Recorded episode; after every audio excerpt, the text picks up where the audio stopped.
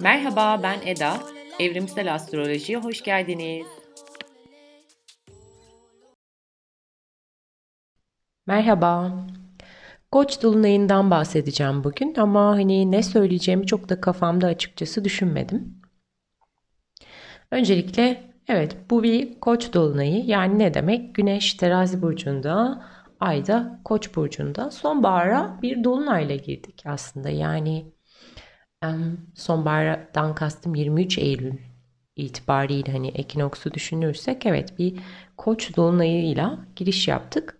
Şimdi normalde dolunaylar nedir? Tamamlanma, bitme, e, enerjisi taşırlar. Bir önceki yeni ayda attığımız tohumların e, büyüdüğünü, filizlendiğini, ortaya m, çıkışına şahitlik ederiz. Yani bir kapanma sürecidir aslında. Fakat işte bu koç dolunayı olunca işin içerisinde birazcık da zodyakın ilk burcu olduğu için başlangıç enerjisi de taşıyor. Hoş bir yandan şöyle de bakarsak eğer her bitiş bir başlangıç en nihayetinde. Her tamamlanış yeni bir sayfanın, yeni bir döngünün açılışı demek. O yüzden aslında bence yeni aylarda, dolunaylarda hem başlangıç hem de bitiş enerjileri taşıyorlar. Şimdi bu koç dolunayı evet e, önemli birçok sebepten önemli ama en başta şu açıdan önemli. E, şu an bugünün gökyüzü haritasını açtığımda astroloji programımda hemen dikkatimi çeken ne oluyor? Aslında çok yoğun bir koç enerjisi var şu an gökyüzünde. Yani sadece ayın koç burcunda olması değil. Ayın yönetici gezegeni yani koç burcunun yönetici gezegeni Mars ne? Koç burcunda ve retroda. Black Moon Lilith dediğimiz astrolojide belki bir sonraki dönem, sonraki dönemlerde bunun hakkında anlatabilirim. Ayrı bir bölüm de yapabilirim. Ama Black Moon Lilith e, kendimizde inkar ettiğimiz gölgelerimizle bağlantılı bir gösterge. O da Koç burcunda. Eris Plüton'un gezegen Plüton'un e, dişil versiyonu diye astrolojide adlandırdığımız Eris de yine Koç burcunda. Chiron yaralı şifacı o da Koç burcunda ve son olarak Ay da Koç burcunda. Yani aslında gökyüzünde cayır cayır yanan bir e, bölüm var diyebilirim. Peki Koç burcu neydi? Biraz ona bakalım. Koç burcu evet yani Zodyak'ın ilk burcu. Bu böyle hani ilk ortaya çıkış, var olmanın ilk işte toprağı, topraktan hani bir filizin böyle ilk baş verdiği an diye düşünebilirsiniz. Başlangıcı gerçekten anlatıyor. O toprağın filizden kafasını çıkardığı an nedir? Kendini ortaya koymadır değil mi? Tezahür ediyorsun yani ortaya çıkıyorsun, gerçekleşiyorsun. Koç gerçekten bunu anlatıyor. Yani kendini ortaya koymayı, kendini gerçekleştirmeyi, e, bir şeyleri başlatmayı, liderlik etmeyi anlatıyor. Ve bunu da deneyimin içinden geçerek yapmayı anlatıyor. Fakat a, şimdi gökyüzünde evet bu kadar yoğun koç burcu var ama bunların hiçbiri doğrudan bize aslında şey diye mesaj vermiyor. Haydi kendini ortaya koy, harekete geç, adım at, savaş, cesaret et. Sonuçta koç evet Mars ve koç arketipleri savaşçıdır. Yani e, savaşçı arketipiyle e, bağdaşır bu göstergeler. Ama dediğim gibi gökyüzünde bu demin saydığım göstergelerin hiçbiri doğrudan bize kendimizi ortaya koyup savaşmamız, risk almamız, gözü kara kendimizi ortaya atmamız gerektiğini söylemiyor. Aslında aslında bu göstergelerin hepsini tek tek incelesek de genel bir bakış atsak da e, mesaj şu Tam da bu koç enerjisiyle, koç burcunun nitelikleriyle bağlantılı konularda kendimizi eksik hissettiğimiz, yaralı hissettiğimiz, gölgemiz olan, inkar ettiğimiz, farkına varmadığımız niteliklerle tam bir e, ne diyelim helalleşme, halleşme sürecine işaret ediyor aslında bu dolunay.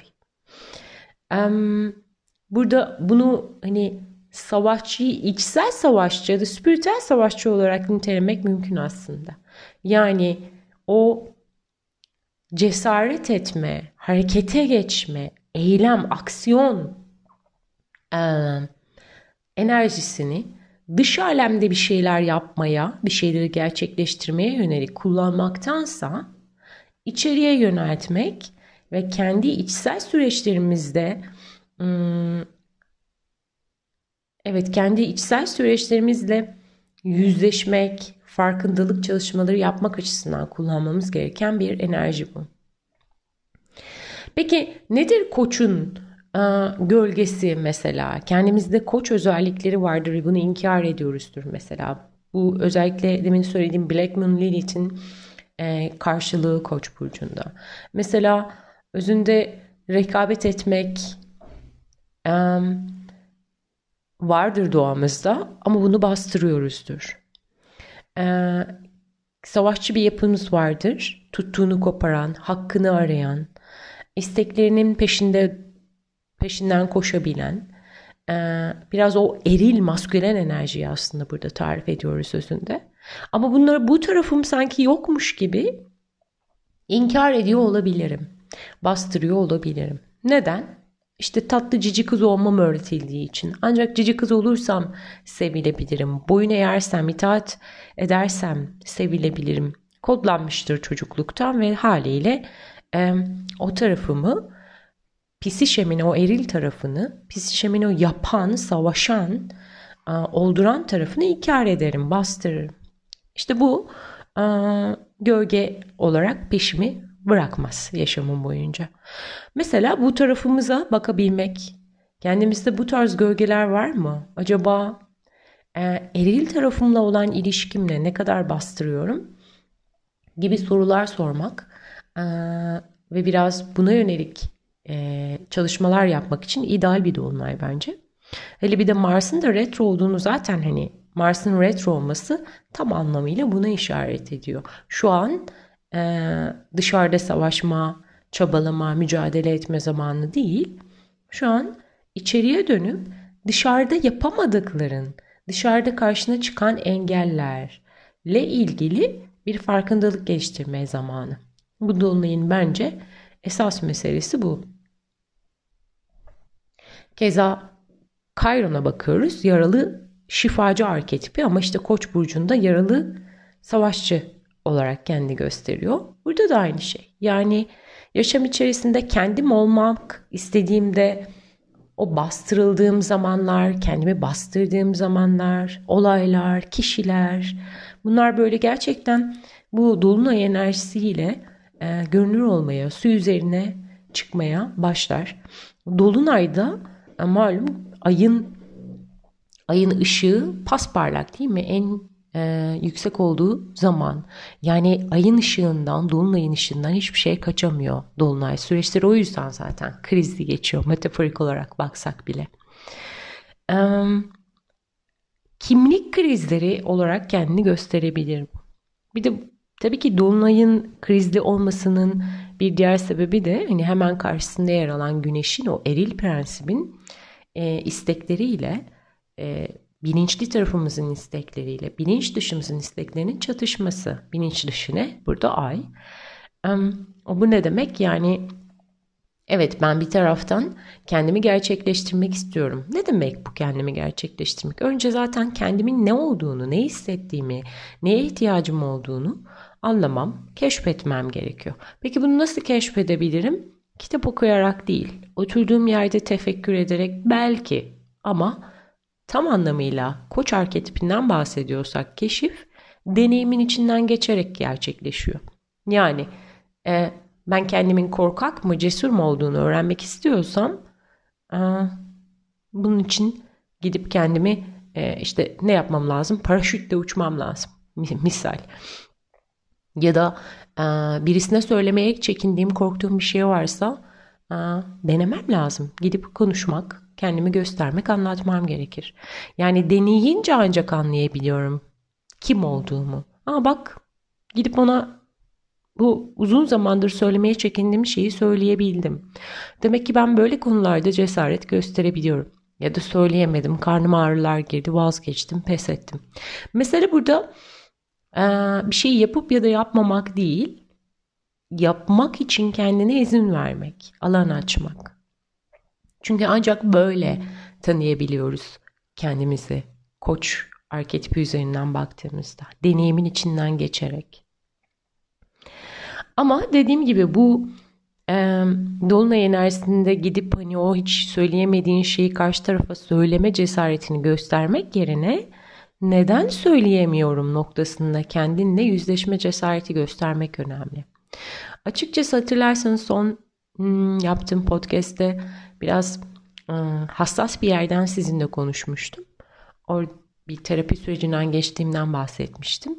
Hala devam eden bir süreç. O yüzden şimdi söyleyeceğim şey çok deneyimden gelen yani kalbimin derinliklerinden gelen bir şey.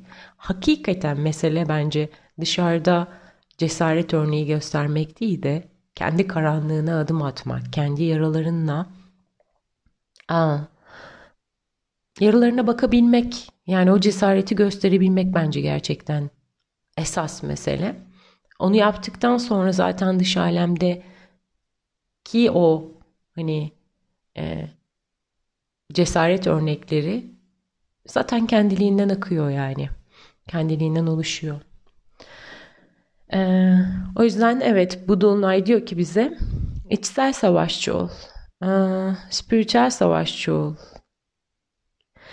Biraz hmm, burada şeye de geçiş yapabiliriz aslında. Hani nefsini terbiye etmek tasavvufta, tasavvufta bahsedilen.